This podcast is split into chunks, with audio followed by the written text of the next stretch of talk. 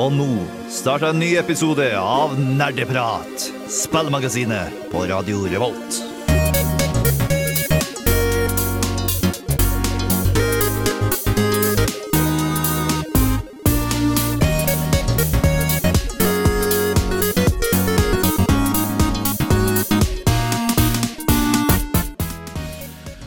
Og god dag alle sammen, og velkommen tilbake til en ny episode med Nerdeprat. Nok en gang så står vi her i studio for å pra preke om spill og andre ting. Eh, hovedsakelig spill. Det er egentlig bare spill vi skal snakke om. Men eh, jeg er da Håkon, deres programleder, som dere sikkert hører. Med meg i studio i dag så har vi Eh, Tor Magnus, hallo. Tai. Tai er tilbake. Også på teknikk har vi Bård. Bård. Vi er fulltallige i studio, Yay. og det er kjempehyggelig. Eh, særlig med tanke på temaet vi skal snakke om i dag. fordi vi skal snakke om eh, det man kan kategorisere som sexspill. Så dette skal bli en het sending eh, her i studio. Eh, kommer til å bli veldig gøy, men jeg tenker vi starter med en låt før vi hopper inn. Vi skal høre JNS med Sten og strøm. Nerdeprat på Radio Revolt. Vi må varme opp litt grann før vi starter med denne hete temaet. Eh, Så vi skal først snakke om hva vi har gjort siden sist. Vi kan starte med Bård. Uh, ja, Uh, jeg kjøpte Hunipop 2 etter forrige sending. Uh, jeg hadde jo spilt Hunipop 1 før sendingen, men jeg kjøpte toeren og har spilt det Jeg tror uh, GOD sa jeg hadde spilt det sånn 20 timer. Ja. Så, men det skal vi prate mer om senere, så jeg kan jo heller si noe om det andre jeg har spilt, som er Assassin's Creed Odyssey. OK. Ja, hva syns du om det? Uh, utrolig vakkert spill, men mange nok liksom irriterende ting som bare plager meg, at jeg ikke kan liksom gi det 100 akkurat. Men uh, Odyssey er det nest nyeste spillet, ikke sant? Ja, det som kom ut før Valhalla. Siden er det fortsatt samme formelen til gamle Assassin's Creed? Var ikke det dette punktet hvor Assassin's Creed sakte, men sikkert bytta over til å nesten bli litt RPG-aktig? Jo, litt. Du leveler opp og b- bruker poengene du får inn i ferdigheter og låser opp og sånt. Og så er det, i hvert fall Odyssey, så blir du f.eks. tvunget inn i en krig. Det er, altså Hele Odyssey handler om at Sparta og Aten kriger. Ja. Så du må, kan velge å da kjempe på en av deres sider. Og gjennom historien så blir du tvunget da til å kjempe på en av sidene, som var, ikke var så veldig bra for jeg som er basert på sniking og Nei. Ja. sånt. Så føles det fortsatt ut som gode, gamle Assassin's Creed? jeg som ikke har spilt så mange av dem, jeg spilte liksom helt i starten, og Origin spilte mye, så det, det er litt for mye liksom altså, krig, vil jeg egentlig si. Og Ja. også litt sånn, litt sånn merkelige ting. Uh, som bare, men det er utrolig mange bra systemer, det er utrolig mange ting du kan drepe. Det er ikke liksom kun historie, altså en historie og plott som får deg til å drepe ting. Det er også uh, leiesoldater. Du Mm. er en kamp liksom å være den topp rangerte leiesoldaten, og da kommer du opp i rankene ved å drepe andre. Okay. Og så er det også en ting som blir låst opp liksom, bitte litt inn i spillet, som også er liksom mål som du må klare å finne. Altså avduke hvor, hvem de er, og hvor de egentlig er. Det høres uh, bra ut. Jeg, jeg er Min interesse for Assassin's Creed har jo gått helt bort.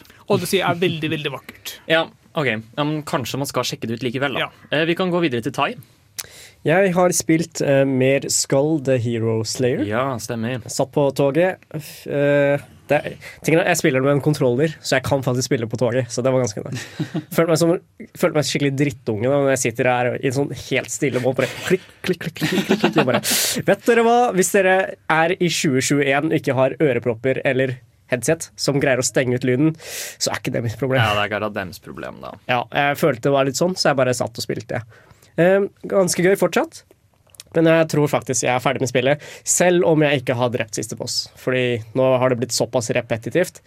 Og jeg er så lei av å se første boss om og om og om igjen. Så nå er jeg bare ferdig. Det du mener å si her, er at du legger det fra deg litt, og så kommer du tilbake til det senere, ah, når se. du ikke er lei det lenger. Nei, men får se. Eh, Det må nesten komme en update for at jeg skal kunne fortsette med det. Som, som det er nå, så blir det altfor monotont. Det er bare så mange items. Skjønner. Vi går videre. TM. Eh, jeg har ikke fått spilt så mye siden sist, men det jeg har gjort, er å sette meg inn i Game Grumps igjen. Fordi okay. Dan og Aaron har jo nå begynt å møtes igjen og spille sammen igjen. Ja. De har på en måte spilt fra hverandre. pga. Uh, det de kaller uh, The Backstreet Boys Reunion Tour. altså pandemien. Eh, og det er veldig koselig å bare se de spille igjen. Eh, de spiller nå Super Mario Maker 2. eh, og de spiller uh, en viss uh, level som Eller en viss, nesten en helt spill som Ross, en, en annen fyr i Game Groups, har satt sammen for dem.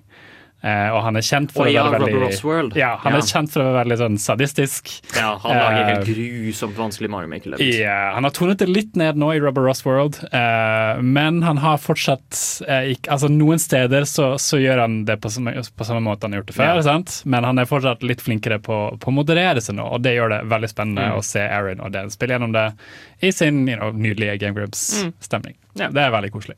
En Fint avbrekk fra skolen. Så gøy.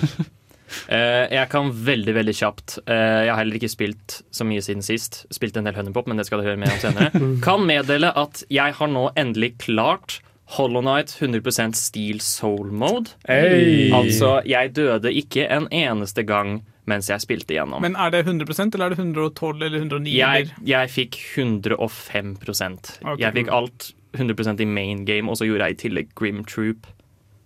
Ja, Var det noen ganger du var nær å dø? ja flere ganger. Ja. Sånn ett et liv igjen, liksom? Ja. Eh, og helt grusomt. Så neste trinn nå er jo eh, å spille gjennom uten å ta damage, da. Eh, jeg tenker vi går videre til låt. Det kommer jeg aldri i veien til å orke. Eh, det blir for dumt, tenker jeg. Vi skal heller høre Cantona med Carola. Nerdenytt.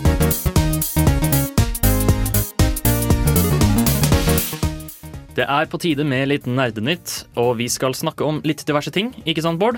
Eh, ja, eh, det kom eh, i løpet av forrige uke, så har det blitt eh, annonsert eller kunngjort at eh, GTA 3 og Vice City har blitt eh, det som på engelsk heter reverse engineered, som jeg ikke har noe godt norsk ord på. Det vil altså si at de har tatt utgangspunkt i hvordan spillet oppfører seg, og prøvd å implementere det på nytt. På nytt, i hvilken sammenheng? Så liksom som en remake? Nei, altså der, På frivillig basis så har de lagd en åpen kildekodeversjon av spillet. Altså De har ikke sett på noen av den koden som eksisterer fra før. De har bare sagt at ok, hvis du har alle eh, altså modellene og sånne ting, og putter det sånn riktig sted i spillet sånn som det vanligvis er Altså Hvis du har en kopi av GTA, Ja. så kan du bare dytte ut liksom hele spillogikken og dytte, plassere inn vår egen, som er åpen kildekode. Ja. Så kan du spille spillet 100 sånn som det ble gitt ut da det ble gitt ut. Er det der alle memesene kom fra? Jeg vet ikke helt hva du sikter til. ok, Det er en sånn scene der, eh, der to av karakterene står foran uh, i, eh, i hagen sin, så driver han og snakker. Du vet hvilken meme jeg snakker om? om? ja, nei, det er GTA 5. Det er GTA 5. Eh, ok. Det er eh, Lamar Roasts Franklin-meme han refererer til. Og jeg har ikke Ok. fått med det heller. Ok, da Feil forbindelse. Ja. Men uh, det er utrolig kult, fordi det gjør det for det første mulig å spille det på plattformer det ikke var mulig å spille det på før. Eh, og i tillegg, uh, mod har jo, mods har jo vært et, eh, en del av GTA ganske lenge, men nå kan du faktisk du kan erstatte eksempel politilogikken dersom du ønsker det. Hvis vi liksom lage en ting som ikke kunne moddes bort før, kan nå bare skrives om i koden. Fordi det er åpen kildekode, det er fritt tilgjengelig, og hvem som helst som vet hvordan, kan da fikse på spillet sånn som de vil. Men betyr det at spillet er på PC nå, da? Ja, Ja. Det er veldig kult. Uh, ja, jeg, jeg, vil, jeg anbefaler faktisk eh, Jeg føler ikke det er så mange som snakker om GTA 3 sammenlignet med andre GTA-spill. F.eks. San Andreas eller GTA 4. Eller hva enn det Ja. Men GTA 3 er skikkelig skikkelig bra. Det er Så- det. Og jeg tror det kom ut eh, på PC eller noe sånt eh, for ikke så altfor lenge siden. Jeg vet jeg spilte det for ikke så altfor lenge siden på en eller annen eh, altså, nyutgitt utgave, men det var litt clunky fordi ja, spill da var litt clunky. Ja. Men hvordan får du tak i det? Bare Går du på Reddit og finner en lenke og laster den? Hvis eller? du har det kopi av spillet, så kan du Altså kildekoden til denne om, eh, nye skrivingen av spillet finnes på GitHub, og, men du må ha liksom alle ti, altså alle objektene og sånt fra originalspillet. Så du må okay. ha en CD og sånt med spillet fra før. Vi skal snakke kjapt om eh, en annen nyhet, fordi det er et spill som har kommet ut nylig som bare har tatt eh, hva skal man si, Steam-markedet med storm, nesten. Oh, yeah. Veldig sånn uoppfordret. Uh, ja, på en uke så solgte Valheim en million kopier. Ja, Vi snakker om Valheim, som er en slags eh, Ja, det er et survival-spill med middelaldersetting, på en måte. Ja. Ja. Det er Minecraft møter RuneScape. ja. Bokstavelig talt. Eh, jeg vil si litt, eh, mer, altså litt mer enn det. det, det en, en av grunnene til at jeg har gjort det så bra, er kanskje også fordi du har altså et mye bedre byggesystem enn eksempel Minecraft har, vil jeg si. Det er mye lettere å faktisk få gjort ting ordentlig enn bare blokker. Og du kan også, det er veldig mye ting du bare slipper å tenke på som du ofte kan tenke på i andre spill. Eksempel sult og tørst er ikke noe som eksisterer i Valheim. Og det er jo Eh, gratis å repetere ting. Sult er definitivt en ting som finnes i Valheim. Du kan spise mat for å gjøre deg bedre, men du mister ikke noe ved å gå lenge uten mat. så okay. Så, så, den, altså, så den, eh, den, den greia er bare der for at du skal være mer effektiv? Ja, altså Du kan spise mat som gir deg mer HP, eksempel, eller mer ferdig. Altså, Ok, Så jeg trodde du ble mer sulten. altså, Jeg har ikke spilt det selv ennå, men jeg har lest noen artikler, og da var en av beskrivelsene var liksom OK, du, du trenger ikke å spise for Ja. å holde deg live. livet. Uansett, eh, det har fått veldig god kritikk. Eh, Veldig gøy at det bare dukka opp av ingen steder og har blitt så populært. Sjekk det ut hvis du er interessert i survival-spill. Vi skal snakke mer om nyheter. Vi skal snakke om den nye Nintendo Directen som var i går, etter har Chai med Action. Du lytter til Nerdeprat fra Radio Revolt. You're listening to Nerd Talk from Radio Revolt. Vi skal preke om mer spillnytt, for i går så hadde de en ny Nintendo Direct. Den første på 530 dager. Det er over et år siden. Nesten to siden forrige Nintendo Direct. Ehm, og denne var 50 minutter lang, så de viste dritmye. Eh, folk er ikke så veldig fornøyd. For å oppsummere det veldig kort, de viste egentlig ikke så mye. Uh, jeg kan ta høydepunktene, og det var at uh, Pyra og Mithra fra Xenoblade Chronicles 2 Det er basically eh, hovedkarakteren sine sword waifus. eh, de ble annonsert som en karakter i Smash, som jeg syns var litt rart, fordi jeg hadde forventet at de skulle bli annonsert så enten i hovedspillet eller DLC Pass 1. Men de kom nå, så men, OK. Men det er en karakter hver, og ikke karakter sammen? Jo, nei, de er samme person. Oh, OK. ok. Ja, er Selvfølgelig. Slik Selda-opplegg. Eh, ja, Ja, okay. eh, men bare mye Det ser ut som at de kan switche mye raskere. Det var I traileren så hadde vi et klipp hvor de swappa mid-kombo. Og det, det så ganske kult ut. Så det ser ut som en veldig teknisk karakter. Videre så annonserte de også Splatoon 3, som er ganske stas. Eh, f- eller Er det det? er det det? Er det egentlig det? Jeg tenker meg om. Bryr folk seg fortsatt om Splatoon? Jeg syns det er litt sånn rart, fordi Hvorfor skal de annonsere et nytt Splatoon til Switchen når det allerede finnes et Splatoon til Switchen? Eh, sa de noe om det, det blir lagt til nye ting? Skal det forbedre Splatoon Det- på noen måte?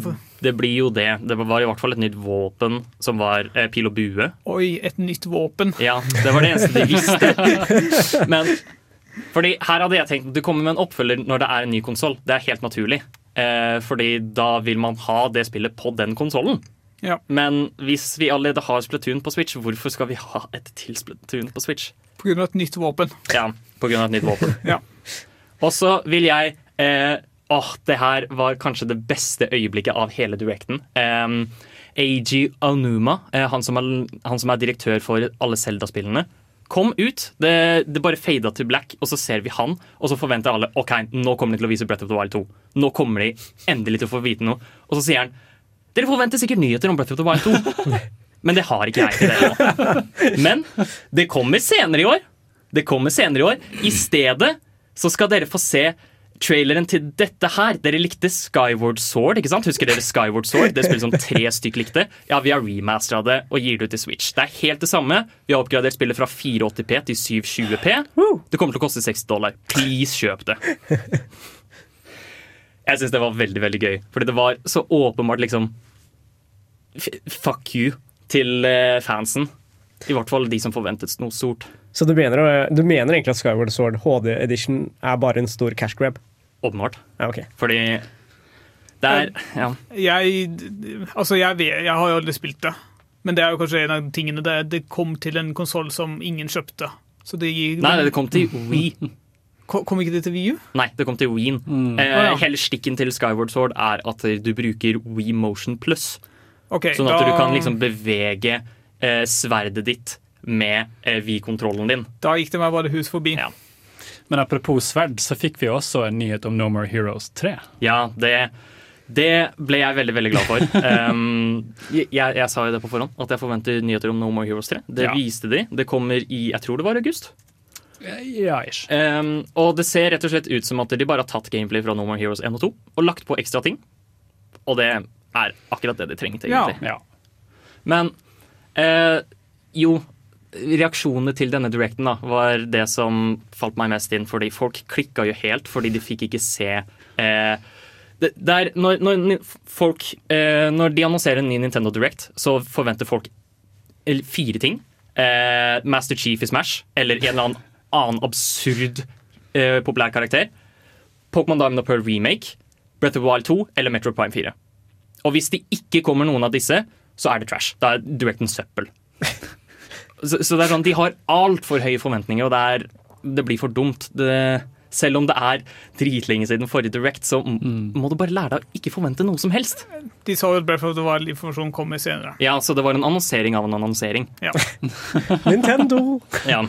Eh, veldig typisk sånn game developer-ting, føler jeg. Men eh, Så det var veldig sånn blanda følelser om det, særlig med tanke på at det er 35-årsjubileet til Selda i år, så folk forventer jo ting. Men det kommer jo, så vi får bare vente. Men uansett. Vi skal starte på temadelen etter vi har hørt Honningbarna med 'Det kommer til meg'.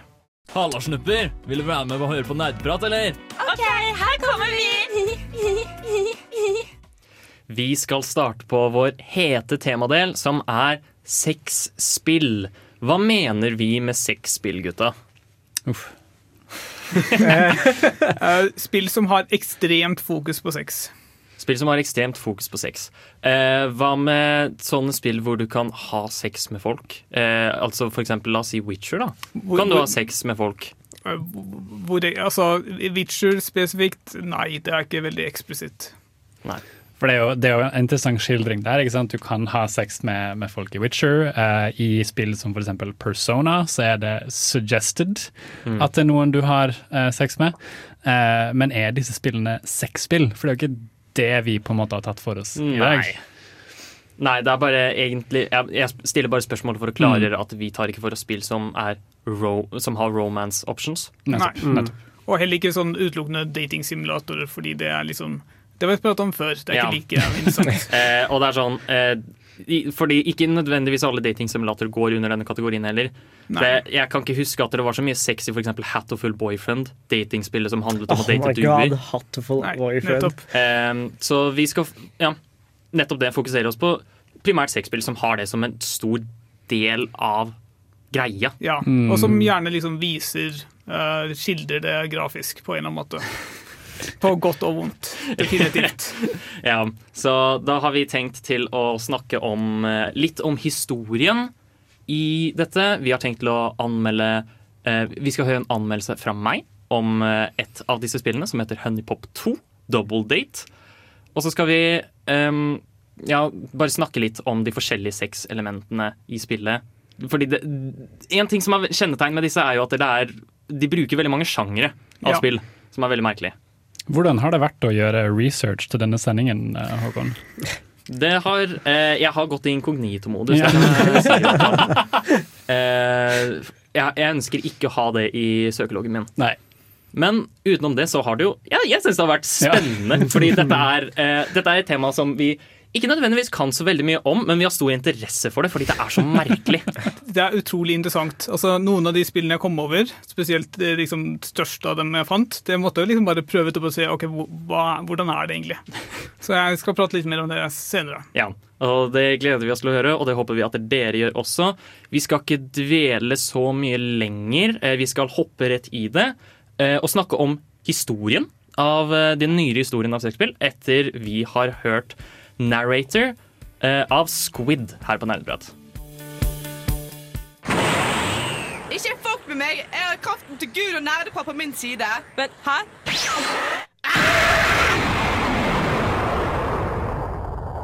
Vi skal snakke om eh, sexspillenes nyere historie, og vi har alle gjort litt research, men akkurat på dette feltet så har Tai gjort Ja. en del research. Har du lyst til å starte? Det kan jeg godt. Siden Nå har vi mest fokus på Steam, da.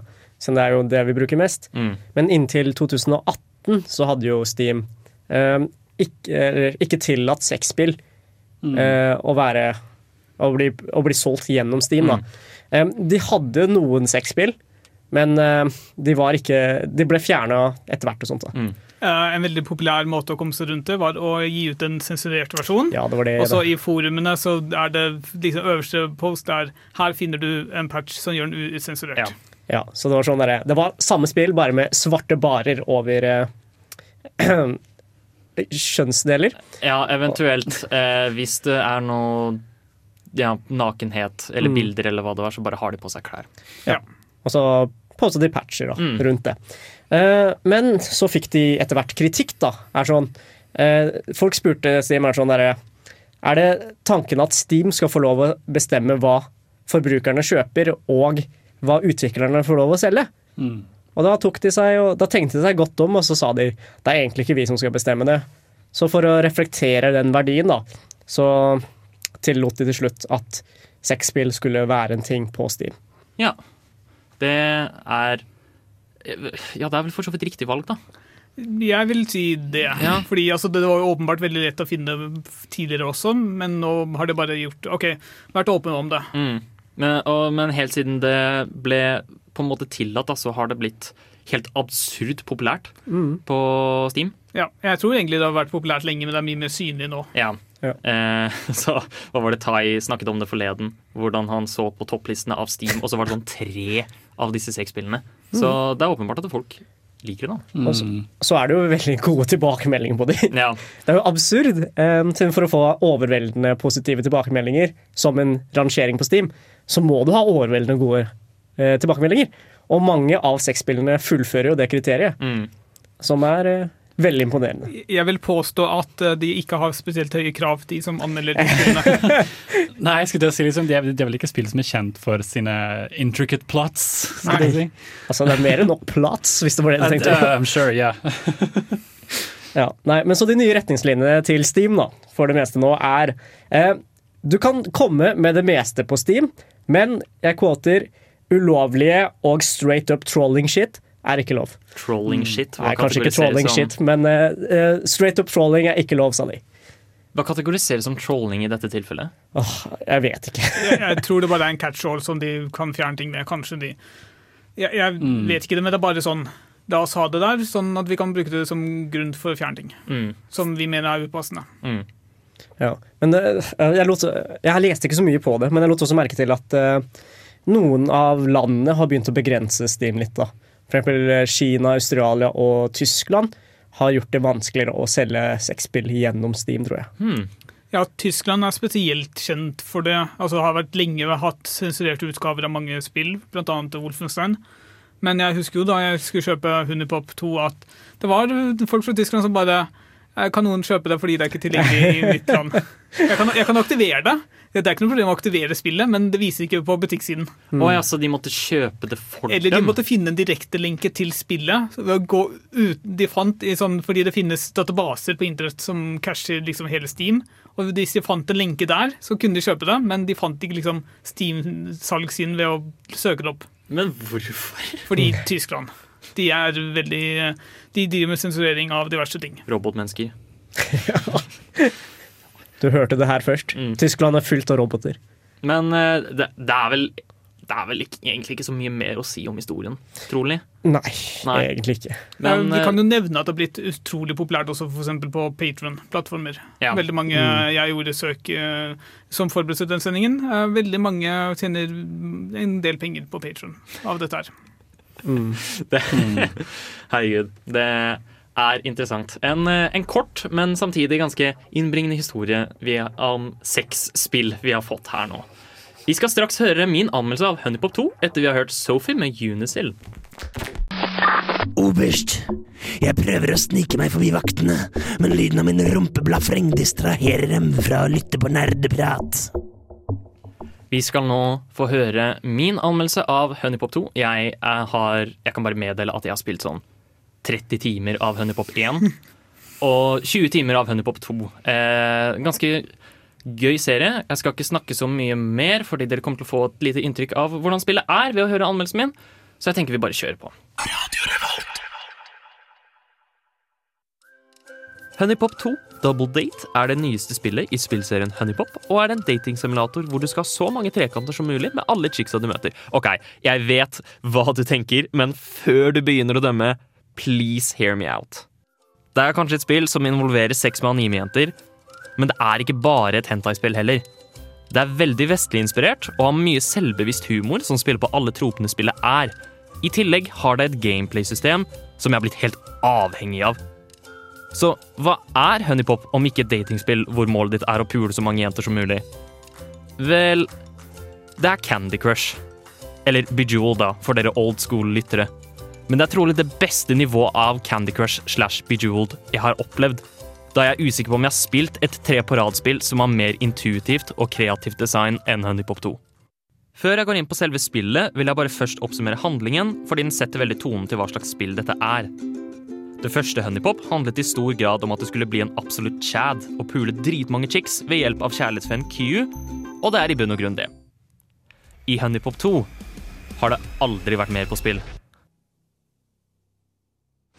De legendariske kosmiske verdensromhorene The Nymphogin våkner snart fra sin 10 000 år lange søvn, og når de gjør det, vil de ha en PMS som truer ødeleggelsen av hele universet. Og den eneste måten du kan stoppe dem på, er å ha trekant med dem for å tilfredsstille dem før de får PMS. Så da forbereder du deg ved å ta med alle jentene du møter på dobbeltdate og ligge med dem.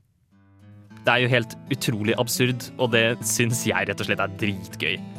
Utvikleren Honeypot er ekstremt selvbevisste på hvor teit Honeypop-spillserien er, og i stedet for å prøve å gjøre ting seriøst, så bruker heller utviklerne dette til sin fordel, ved å spille på absurditeten til disse kjærlighetsskapningene og slikt.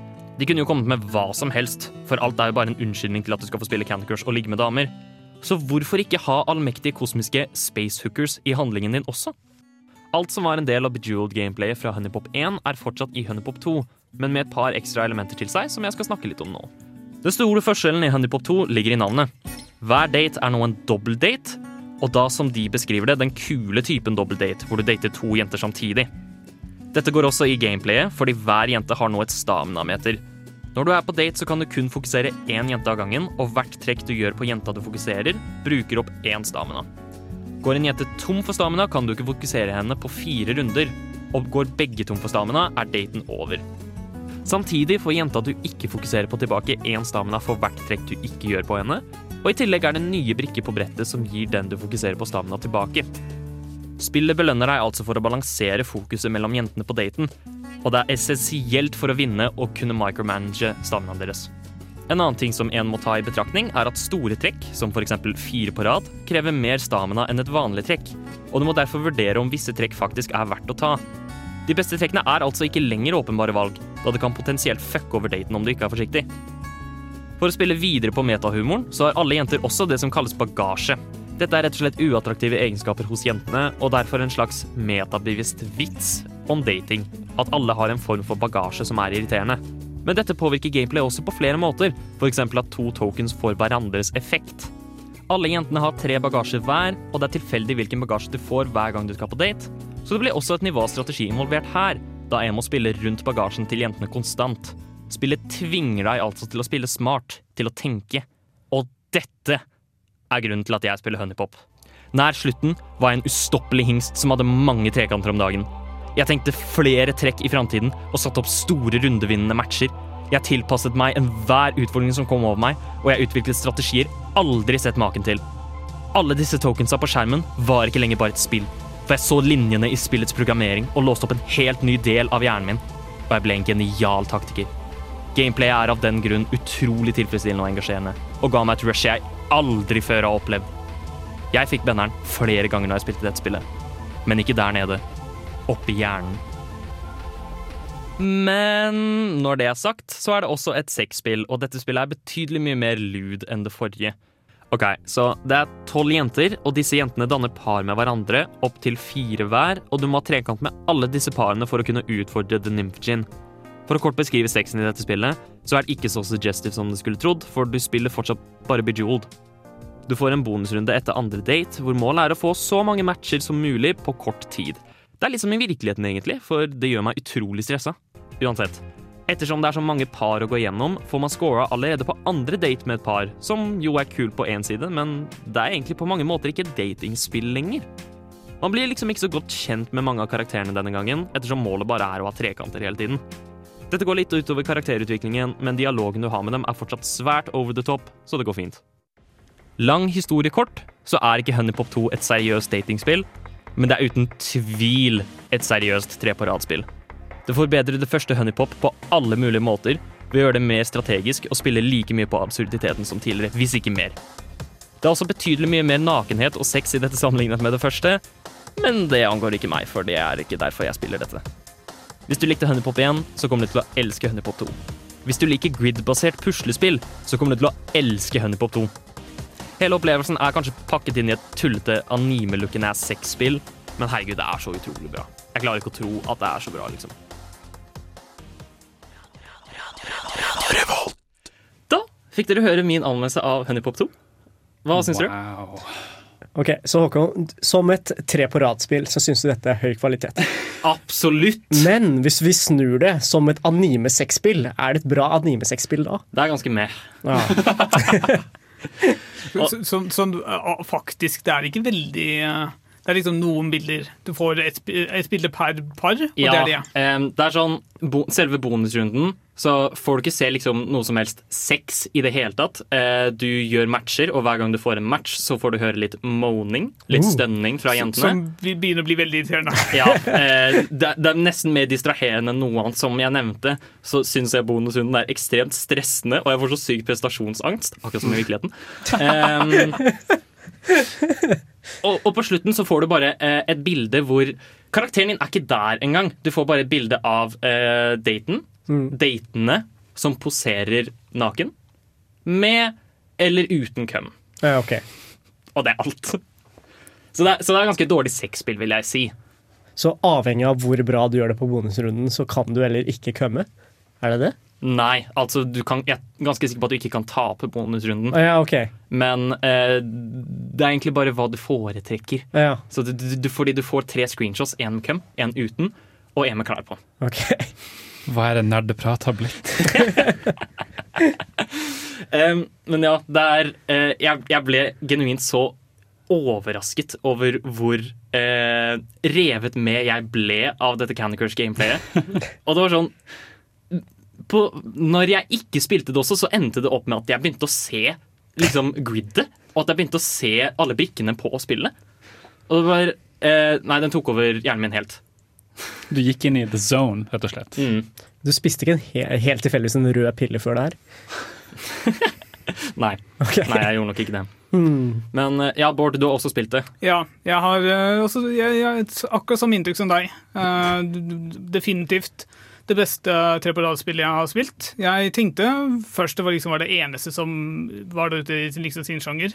Så kom jeg på at The Legend of Bumbo eksisterer. Eh, for de som ikke har vet om det, det er, ligner det med det er Rogalight. Du går inn i en dungeon med tre på rad istedenfor oh, ja. å ha vanskelig tre på rad, liksom enkeltstående uh, spill.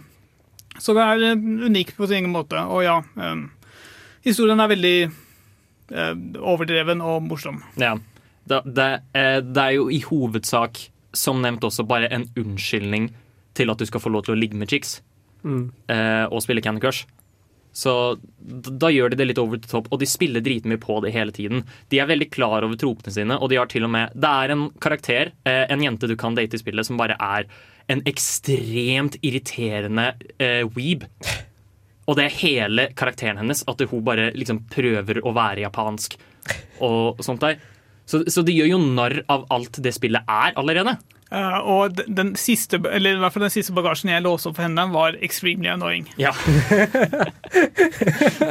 Bagasjen nå er et element jeg liker veldig godt, fordi det er liksom um, en veldig vanlig ting hvor det er sånn Nei, eh, han eller hun der har, har for mye baggage. Hun er ikke verdt å date.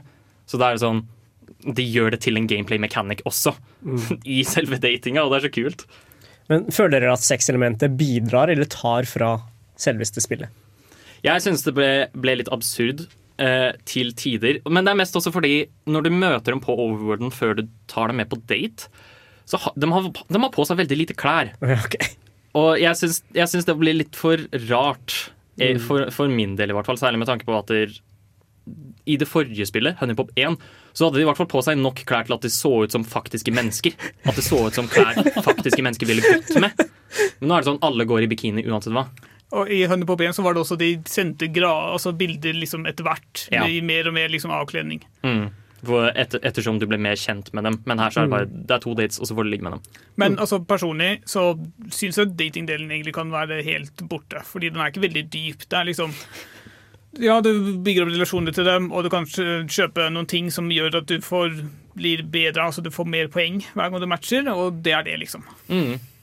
Det eneste som kan sies, da, er at der, eller det siste som er verdt å nevne med Honeypop 2, er at det har fått litt sånn smålige kontroverser, fordi Mm. eh, den har i hvert fall et par smålige rasistiske stereotyper. Eh, blant annet med eksempel hun ene karakteren Nora, som er eh, latina. Og hele hennes karakter er at der hun stjeler mye, og at der hun har vært i fengsel. Ja, ok. Så Og, og, og, det, og det burde den bli litt sånn smålig calla out for, men eh, jeg hadde det fortsatt gøy med spillet. Ja, I tillegg så har de en transperson som ikke nå lenger er transperson fordi det var skapte kontrovers. Men du kan velge om den skal være trans eller ikke. Ja. Ja. Så personen er ikke tvunget trans. Eh, Du, du, du vet at personen skal være trans, basert på liksom dialog og sånne ting, men du har muligheten til å si at det er den ikke likevel. Mm. The Real G's hadde åpenbart valgt at denne personen skal være trans. Så Honeypop er definitivt ikke et spill uten sine kontroverser, som du sier. Mye Nei, kritikk, ja. antageligvis. Um, det første spillet var ikke så ille med det, men det andre spillet har vært litt mer på det nå. Det, har- det Mm. har jo også eh, en muslim som bare Mm. er Og hele hennes personlighet er at hun er overdrevent kåt. Ok. Så Ja, det er mye stereotyper. Ja, du får eh, tenke om det hva du vil. Eh, vi skal ikke dvele så mye mer på det. Vi skal gå videre. Men først så skal vi høre litt musikk. Vi skal høre Lady of Leisure med Spilling Coffee. Martin, gutten min, du må komme deg middag! Å, mamma! Jeg kan ikke sette på pause nå! Jeg er midt i en heftig episode av Nerdeprat! Vår neste eh, ting på agendaen som vi skal snakke om, er det, det her er kanskje det rareste aspektet da, med alle disse sexspillene. Fordi vi, vi har nå snakket om Honeypop, hvor hele greia er at du spiller Bejeweled, eller Candy Crush, eller hva man skal si. Men, og, det, og det er en litt rar sjanger å ha med sexspill, men det er ikke den eneste sjangeren de har brukt i sexspill, ikke sant, Bård? Uh, nei, jeg, i forberedelse til den sendingen så har jeg gjort uh, grundig undersøkelse og funnet uh, litt diverse ting. Eh, blant annet så er det spill som heter eh, Sakura Dungeon. Eh, og det har jeg hørt om, ja. det har jeg hørt Eh, jeg har ikke hørt om det før nå, men visstnok så skal du eh, utforske en eh, hule og kapre monsterjenter på lik linje som Pokémon. Og så er det jo åpenbart en del noe nakenhet involvert i dette. Jeg har, ikke, jeg har ikke undersøkt nok, men Steam har tag nudity og sexual content. som de primære Ja, jeg kan i hvert fall si at fordi dette er de samme som har laget eh, de visuelle, novell, ne, visuelle romanene av Sakura-serien. Som har laget Sakura Dungeon. Så det, og de er også kjent for å ha veldig mange sexscener i seg. Mm. Så det er nok trolig, ja, faktisk et sexspill. Ja, eh, du kan låse opp et galleri, og det er eh, 30 antrekk eh, du kan oppdage og bruke, står det i beskrivelsen av spillet. Men hva er greia, Bård? Skal jeg fange monsterjenter, og så skal de slåss mot hverandre? Altså, tenk Pokémon, bare monsterjenter. Mhm. Ok. Du, du har spilt Pokémon, ikke sant? Jeg har spilt Pokémon. Ja. Ikke spilt Sakura Dungeon, da. Nei. Et annet veldig merkelig spill jeg fant, eh, heter AI Suju, tror jeg. Ok. Eh, Det er noen japanske titler også. Det er et overlevelsesspill, men du får med en waifu. Så, ok. Så OK, for nå, nå må du utdype. Uh, uh, det her er et spill hvor det er en tropisk eh, øyparadis fylt med vakre jenter. Og du kan tilpasse hver jente til Altså med veldig dyp mulighet for tilpasning. Og så kan du se på at de lærer seg å tenke, lære og elske. Lære seg å tenke, ja. Tenke, lære og elske. det, det kan være uh, altså Det heter jo AI i tiden, så kanskje det er noe AI-relatert. At de liksom lærer seg på en eller annen måte. Jeg vet ikke. Jeg, jeg, jeg bare leser, leser beskrivelsen. Er det sånn Born Yesterday-trope-opplegg? Kanskje. Å nei. Jeg vet ikke helt hva den troppen er, men Det, det er eh, altså Veldig mange filmer i science fiction har du f.eks. en mann som møter en jente, robot, som på en måte har ingen kjennskap til verden, og så må hun lære han på nytt. Og så er han hennes på en måte inngang til den virkelige verden. Det er sånn okay. Born Yesterday-trope. Og det brukes veldig mye også i sånne scenarioer, kan jeg se for meg. ja. Men, men ja, så hele poenget der da er at du skal få det var, det var mange jenter på denne øya, og du skal liksom finne deg én? Eller som du skal overleve med? Nei, det virka som det var mange altså jeg, er litt, jeg leser bare beskrivelsen, for Ja. jeg har ikke, jeg har ikke Mm. penger til å kjøpe alle disse spillene og prøve dem. fortsatt en utrolig merkelig sjanger da å Ja. ha et sexspill i. Har vi en til? Ja. Uh, Akibas Trip Undead and Undressed. okay. Ja. hvor, hvor du slåss uh, med jenter. Men jentene her er egentlig vampyrer. Som ikke tåler solskinn. Så for, å, så for å utrydde dem, så må du slå dem i hånd-til-hånd-kamp. Og så strippe dem, Nei. sånn at da kroppene deres smelter bort i sollyset. Altså, vi går til det ekstreme for å finne på unnskyldninger for å strippe folk. Men, men, men OK. Vent. Hvor, jeg, jeg er så forvirret. Ja, Hvordan, hva, hva var eh, sex med noe av dette å gjøre? Nei, altså Det er jo sikkert bare å vise nakenhet. Altså vise masse, Ja. Kanskje man har sex med dem også, eller kanskje bare er masse bilder av nakne jenter. Jeg vet ikke. Det er i hvert fall eh, Det, det var på en liste over eh, nakne Altså adult games på Mm. Steam som jeg fant å lese gjennom. Jeg, jeg, vil bare si, jeg vil bare takke Bård for å ikke ha spurt studentmediene om finansiell støtte til å liksom, eh, sjekke ut disse tingene. Han har gjort det på eget erme. Veldig, veldig stort. Ja, veldig bra. Har du det?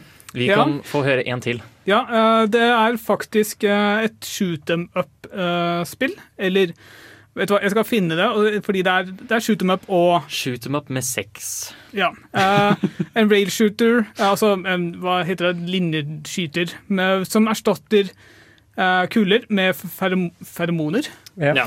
Eh, og fiender med uh, elske Altså um, elske um, uh, interesserte skolejenter. skolejenter. Og hvert uh, elskovsbrev og uh, kyss uh, altså trekker energien din. Og du må da klare å liksom skyte dem bort for å Mens du oppgraderer deg selv Ja. for å liksom overleve. Hva tror dere dette kommer av? At de har så sykt merkelige sjangere for spill som bare Det eneste konseptet er at du skal ha sex med anime-chicks. Eller se nakne Ja, eller se dem nakne. Hvorfor tror du har de så rare sjanger på det? Men kanskje det, Hvis du tenker på det omvendt, da. Det er sånn, Du har lyst til å lage en shoot em up, men eh, du vet også at sex selger. Ja. Og så kombinerer du det begge, så får du det beste av begge verdener. ikke sant? ja. Så, så, du, så du tenker at disse utviklerne bare gjør det til sex med vilje, sånn at de kan selge mer? Altså, Det funka jo knallbra for Honeypop. Det gjorde det, men uh, Honeypop er for så vidt også mer nyansert på sexaspektet også ved å være ekstremt selvbevisst og tullete.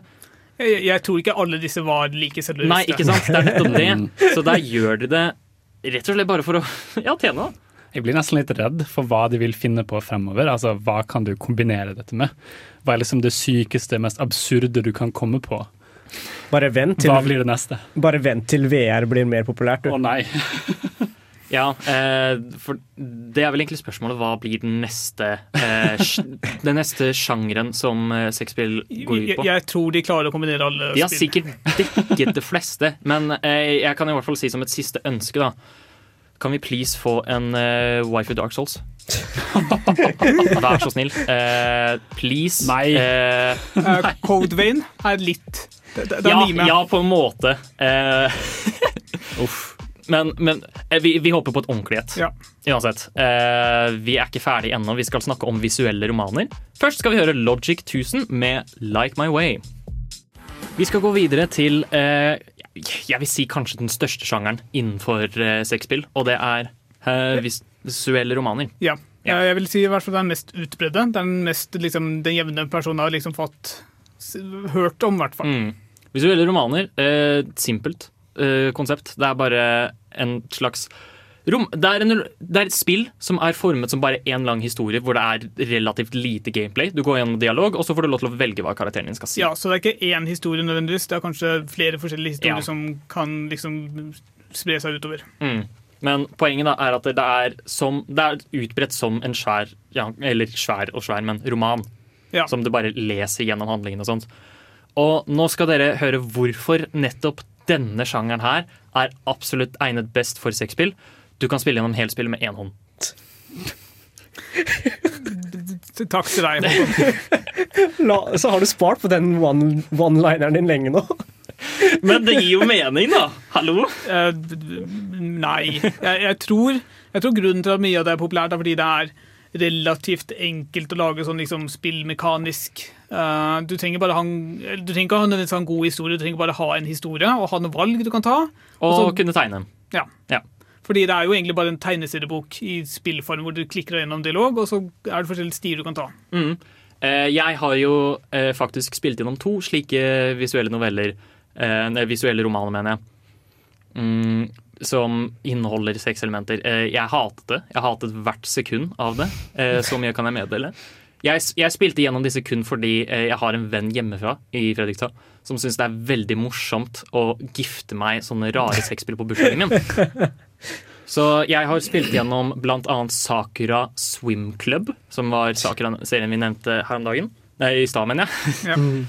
um, hvor det er, det er to jenter som du møter i en svømmeklubb, og du blir venn med dem, og de har de typiske anime-personlighetstrekka, og så har du sex med dem etter hvert. Så etter hvert som du blir Er det valgfritt? Kan du unngå det hvis du vil? Nei. Du, du, må, du må pule dem. Men Blir ikke dette en form for voldtekt, da? Nei, fordi de, For- de Fordi vil du, jo du, du velger det. Det er Altså, bare, ja, du velger det, men du, velger velger, men du velger ikke. Du, Tai, velger ikke. Altså, med, med mindre noen får det til å installere spillet at gunpoint, Ja, okay. den så ser jeg. er det ganske frivillig, vil jeg si. Ja, okay. Så eh, Sakura-serien er jo for eksempel, er et eksempel på en god serie hvis du bare vil ha en dum historie med sex. Ja. med bilder av sex. Eh, det, det er ikke animerte, da. Så det er bare bilder. Eh, men det var fortsatt Jeg er scarred. Ja. Ja. Jeg, jeg, Men? Ja. jeg tror de fleste visuelle romanene er ikke veldig animerte. De, altså, du har de samme eh, figurene som bare beveger seg kanskje litt, og ikke, de, ikke noe særlig animasjon. Nei. Eh, mitt møte med, med visuelle romaner er vel litt bedre enn det jeg tror ditt er, Håkon. Eh, fordi det er ganske lenge siden, men jeg spilte et eh, spill som jeg tror det heter Katawa Shoujo. Eh, som gikk ut på at du skulle begynne på denne skolen hvor du ble møtt med jenter som hadde forskjellige typer uh, disabilities. Ja. For eksempel ei var døv, uh, ei hadde protese i benet, men hun jogget, og liksom en, ei var blind osv. Eh, og det var veldig lite fokus på sex, egentlig. Det var jo selvfølgelig, når du ble godt nok kjent med dem på slutten, på den jenten du hadde fokusert på, så var det en sexscene, men det var stort sett veldig mye historie og liksom fokus på å bli kjent med karakterene. Ja. Det var liksom veldig lite sex. Det var sex, men, men det var mer plott. Om vi kan si det, nå ser jeg på Tai her, men Så litt bedre enn ditt møte, tror Ikke jeg. verst. Eh, det er veldig godt å høre at det ikke er alle Så det er ikke bare forferdelige Ja. opplevelser der ute. Eh, vi kan jo også nevne at eh, Jeg vet ikke hvor utbredt det er, men jeg vet at hvis, noen visuelle romaner har også en hva skal jeg si, en slutt som er liksom haremaktig, hvor du liksom skal ende opp med alle jentene som du kan velge mellom. Og det er også veldig sånn merkelig, syns jeg. Ja, altså det, er- det er vel eh, den visuelle romanstilen av true ending for dataspill, da. Blir det ikke det? Altså, ja. For, for mange Eller- spillerne så vil det være den ordentlige ending, eh, Ja. ja. Så hvorfor skal du gå for én når du kan gå for alle? Jeg vil også eh, ta opp den andre visuelle romanen jeg har spilt, som er eh, også en veldig kjent, eh, for så vidt, ganske stor serie innenfor liksom, dette med sexspill, visuelle romaner, og det er Nekopara. ja. Jeg har spilt Nekopara volume 3. Spillet går ut på at du driver en kafé med kattejenter. Og det er hele greia. De oppfører seg som katter, eh, men de er jenter, og de er Det er lov.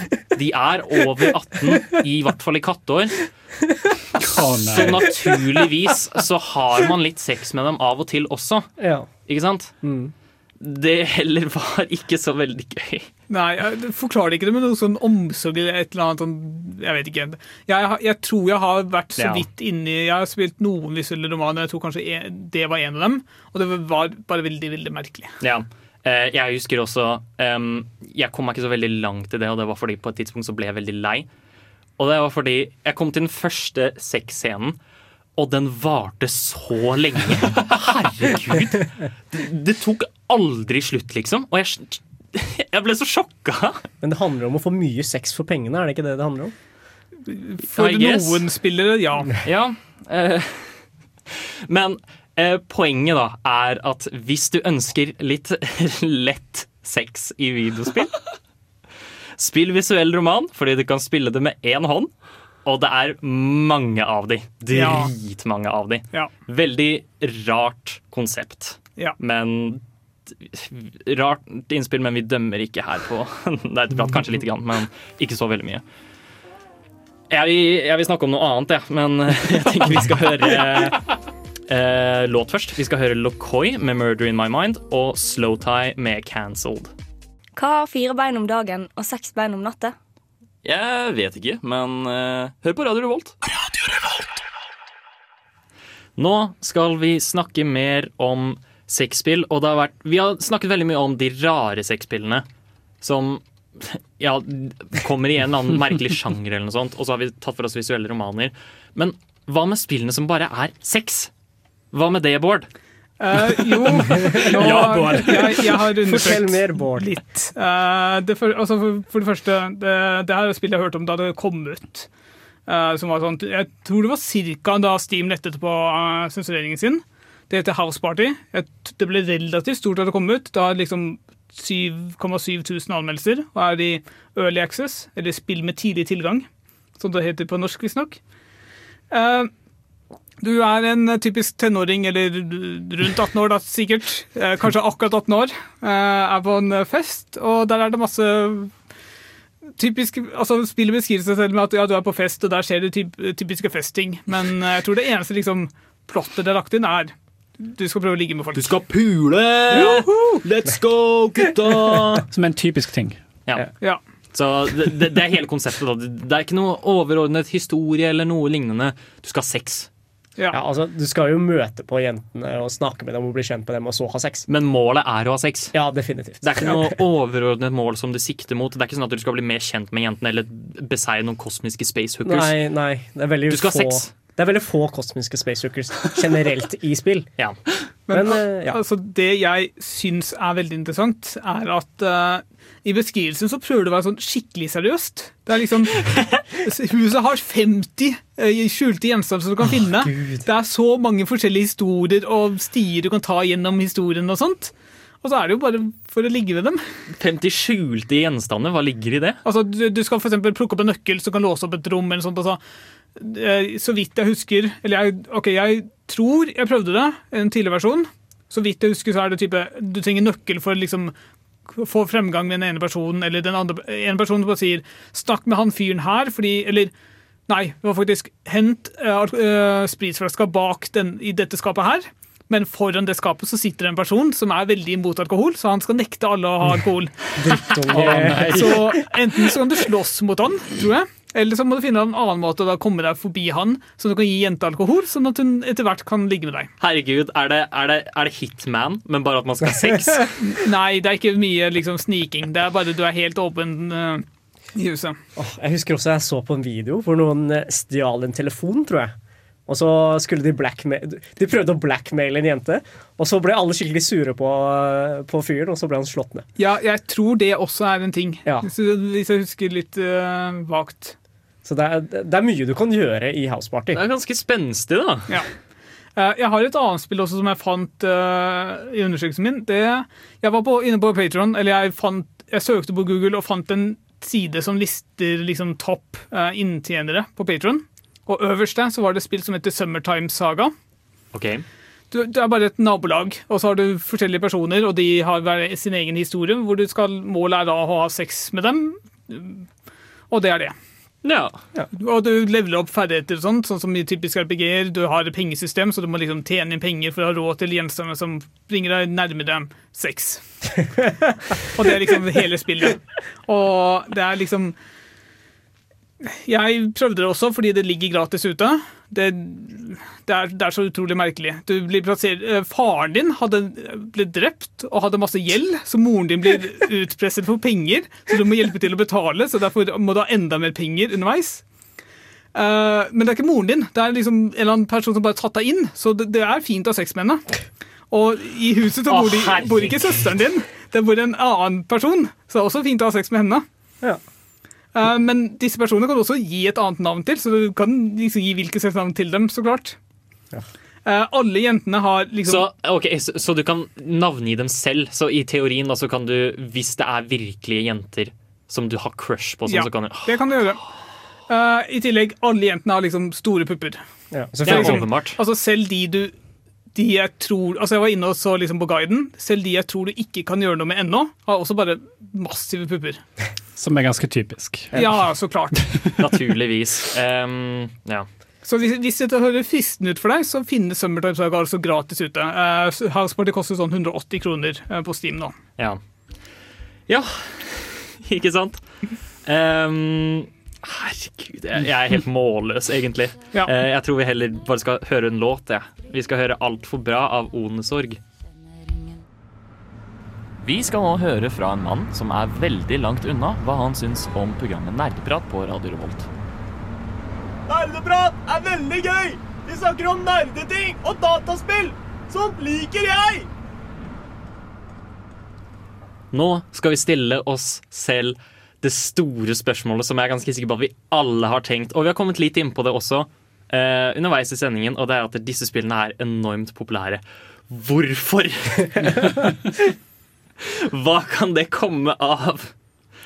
Har du lyst til å starte, Tai? Du hadde tenkt å nevne et uh, spill som kommer nå i mars. Ja, altså, jeg har jo ikke noe konkret svar på hvorfor. Eh, da jeg søkte det opp, så fant jeg ut at eh, noen svarte sånn derre eh, det, kom, det kombinerer hans to store passion i livet, gaming og fingering. Så det, det var derfor han likte det. Ja, he eh, ja Men ehm, eh, ja.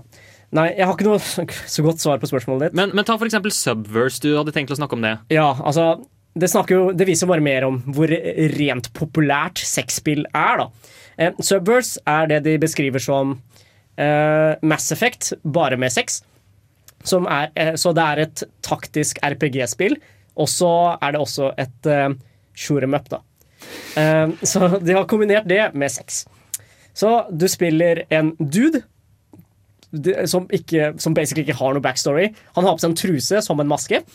Og han går rundt i universet og rekrutterer waifus. Ja. Um, ja. Uh, det var på kickstarter. Uh, de, spurte om, de spurte originalt om 100 000 pund. Uh, så en million kroner, da. De fikk 1,668 millioner pund, da, altså 16-17 millioner kroner. 1,668 millioner pund. Ja, Det er så veldig mye penger. Det er absurd mye penger for et spill som basically er glorified uh, sexspill. Mm. Bård, du hadde et eksempel, du også? Uh, ja, som sagt, uh, de Saga ligger på topp på Patron innenfor liksom, uh, voksne spillkategorien.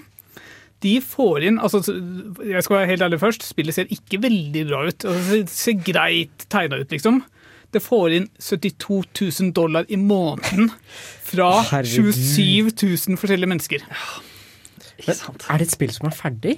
Eh, Det, det, det holder med kontinuerlig oppdatering. Eh, Utvikleren, fordi, sikkert fordi han får så mye penger, han livestreamer altså tegninger og sånne ting.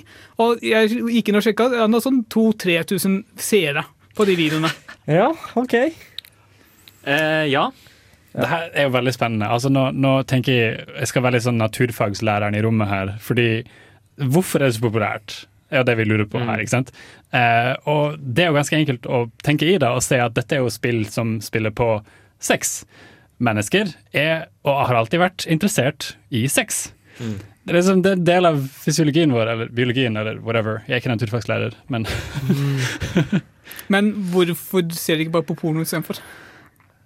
Du må, være en, du må ha en utfordring, tenker jeg. Det kan jo være ett svar på det. ja, en sånn barriere for at du, du må liksom Jeg vet ikke, men kanskje. sant? Nei, men jeg føler kanskje sexspillet i seg selv er en ganske stor barriere fra å ha sex. Men hva vet jeg. Eh, eh, eh, litt tilbake til Subbers. Eh, det er faktisk ikke ferdig ennå. Det skulle originalt komme ut i mai slash juni i 2019, men uh, det skjedde da ikke. Uh, Istedenfor så har de kommet med en ny lanseringsdato, så nå kommer det 26. mars i år. Det er samme Så- dag som Monster Hunter Rise kommer, så vi vet åpenbart hva vi heller skal prioritere nå. Ja. Nå som vi vet om dette. Det er jo tøffe valg du må ta, Håkon, Ja, men uh... definitivt. Um, men poenget er da at vi er ikke helt sikre på hvorfor det er så populært når eh, alt, alt lignende ting er tilgjengelig på internett allerede. Er det ikke sånn at 70% av internett er porno eller noe sånt? Det jeg jeg føler jeg har lest det et sted. Eh, jeg- jeg, for å komme med en liten teori, uh, siste teori, jeg tror det er noe med liksom det å kunne velge ting selv og det å kunne liksom føle deg i kontroll for liksom hva som skjer, og ikke bare søke opp en video som allerede er laget. vil jeg tenke. Men igjen, spillene er også bare ferdiglaget. Du bare velger hvilken av de ferdiglagde tingene du vil oppleve. Så det er også litt merkelig. Det har for så vidt også verdt å merke seg at eh, vi Det har for så vidt vært ganske eh, sosial begrensning det siste året med pandemi og lignende. Folk føler seg kanskje litt ensomme, da. Antageligvis. Eh, så blir de litt kjent med disse anime-chicksa før de har sex, og da har, føler de at de kanskje har noen venner. Når de, når de sitter alene på hybelen sin, fordi de, de kan ikke gå noe sted. Jeg føler at eh, pornospill er populært av samme grunn som at Rule 34 er så populært. Folk liker rare ting. Det, Godt forklart. Det er faktisk veldig godt forklart, eh, og jeg kan stille meg bak den. Folk liker rare ting veldig godt. Jeg liker også rare ting, men jeg vet ikke helt om sexspill er for meg.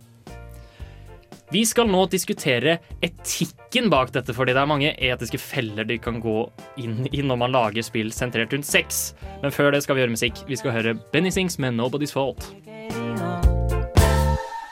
Dagens sending av Nerdeprat er sponset av Raid Shadow Le... Au! Au! Ouch! Unnskyld! Unnskyld!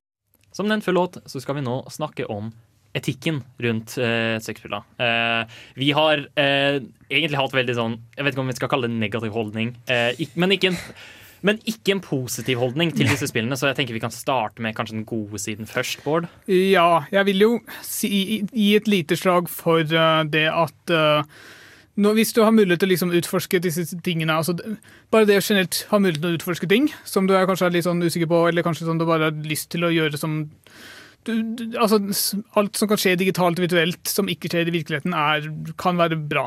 Mm. Eh, Bare for å si det sånn. Og bare det å ha liksom varier, variasjon, og det at, altså at folk får mulighet til å utforske ting, er også generelt bra, vil jeg si. Ja, det er jeg enig i. Så føler jeg det er veldig sunt for indie game-scenen at uh, seksuelle spill er såpass populært. Fordi det er veldig ofte små studioer som produserer disse sexspillene. Um, og det tillater dem jo å komme inn på markedet med noe som de vet de kan tjene penger på, og kanskje kan bygge på det senere. Mm, så det hjelper på en måte de ja, litt mindre utviklerne Mm. ut litt grann, med at de faktisk får lov til å selge spillene sine på plattformen, og at folk er interessert i det. Mm. Nettopp pga. disse elementene. Ja, og at eh, det har blitt såpass eller, godkjent og lovlig da, å selge disse spillene, som annet på Steam, eh, er det jo veldig bra fordi eh, det var jo tydeligvis en etterspørsel for det. Ja. Og nå som etterspørselen blir jo Jeg syns det er bra at den etterspørselen kan bli oppfylt, da. Mm. Uten at det blir satt så mange grenser på det. Ja. Um, men som nevnt så er det Mm. også veldig mye sketchy eh, innenfor dette. Eh, og det har du lest deg litt opp på, Tai. Ja, siden nå har vi kongen av sketsj. Ja. Eh, spillet som eh, i hvert fall det mest eh, Det jeg føler er det mest kjente bannlyste sexspillet, er egentlig Rapeplay. Ja.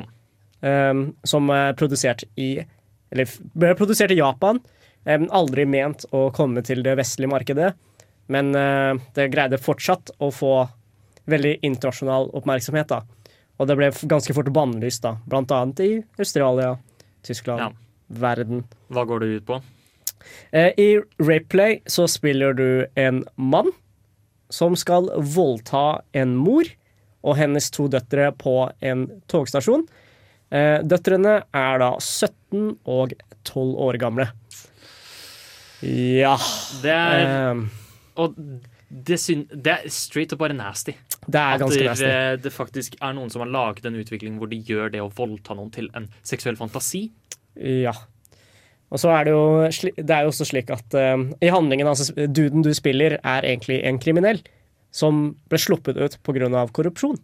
Ja. Eh, og så som hevn, da, så gjør du alt dette. Eh, det gjør det på ingen måte bedre. Nei.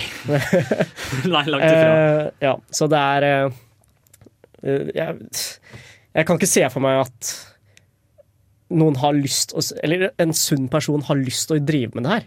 Nei. Eh, Så jeg der- skjønner jo at det blir bannlyst. Ja.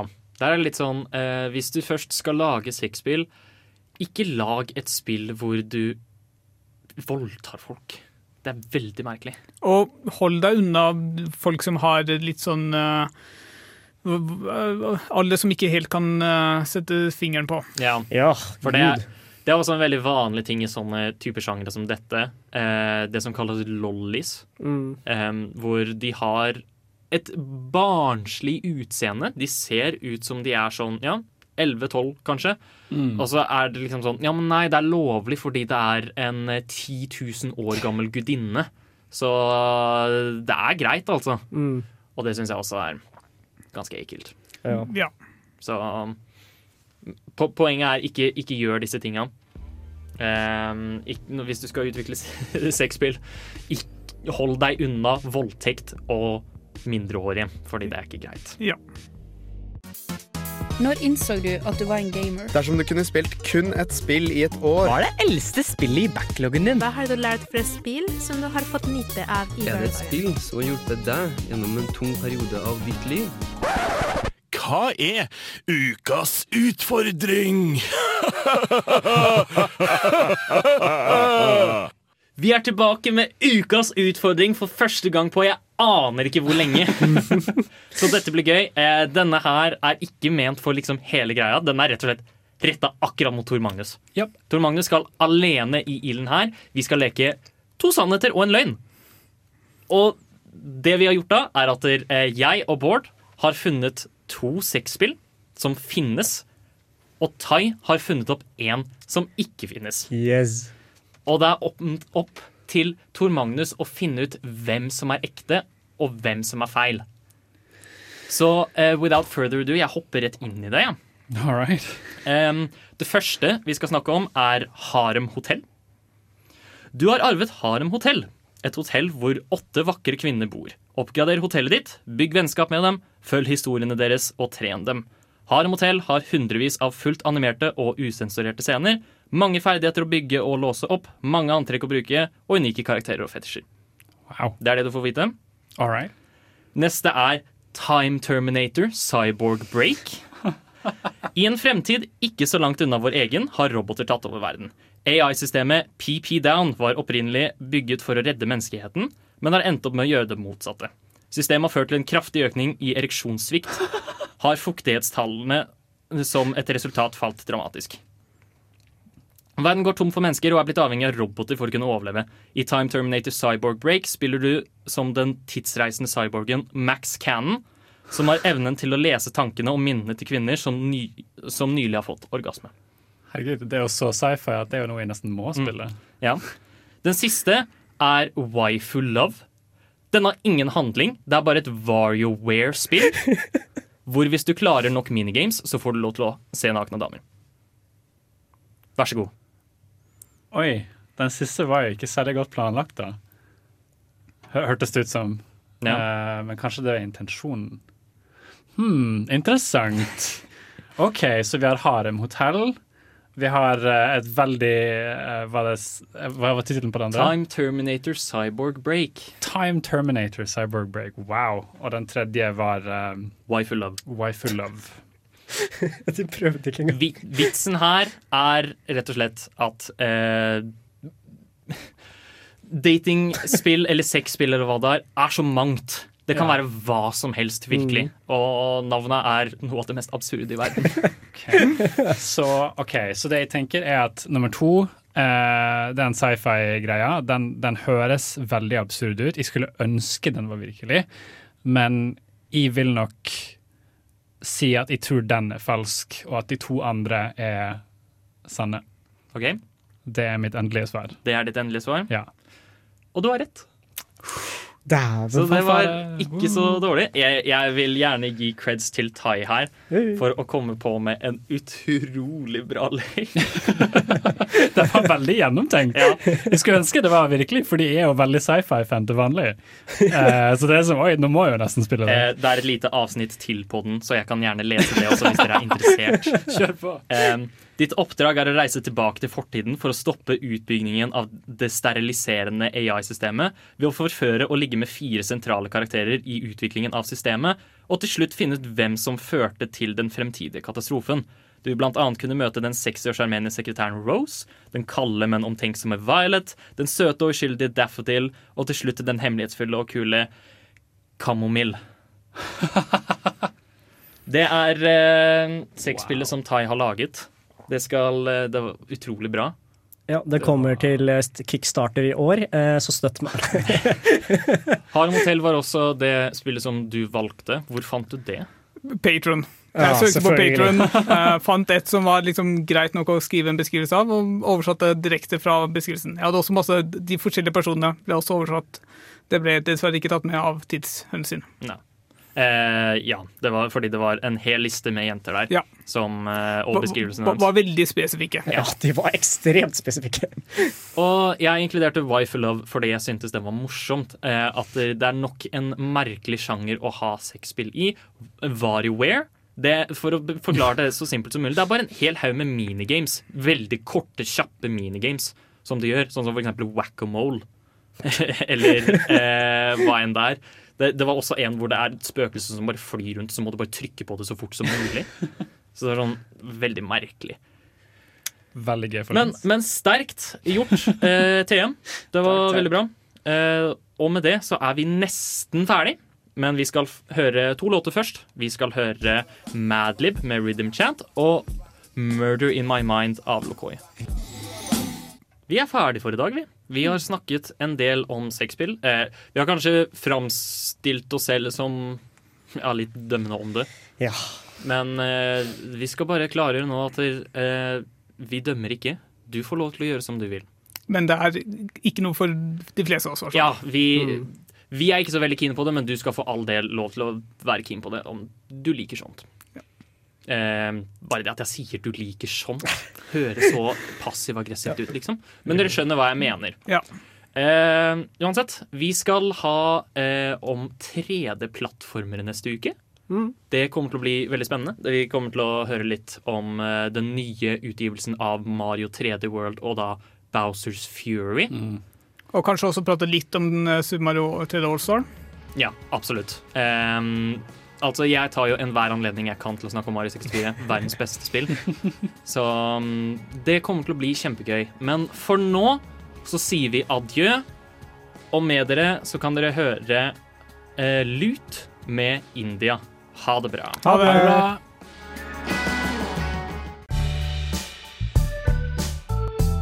Du har lyttet til en podkast på Radio Revolt, studentradioen i Trondheim. Sjekk ut flere programmer på radiorevolt.no.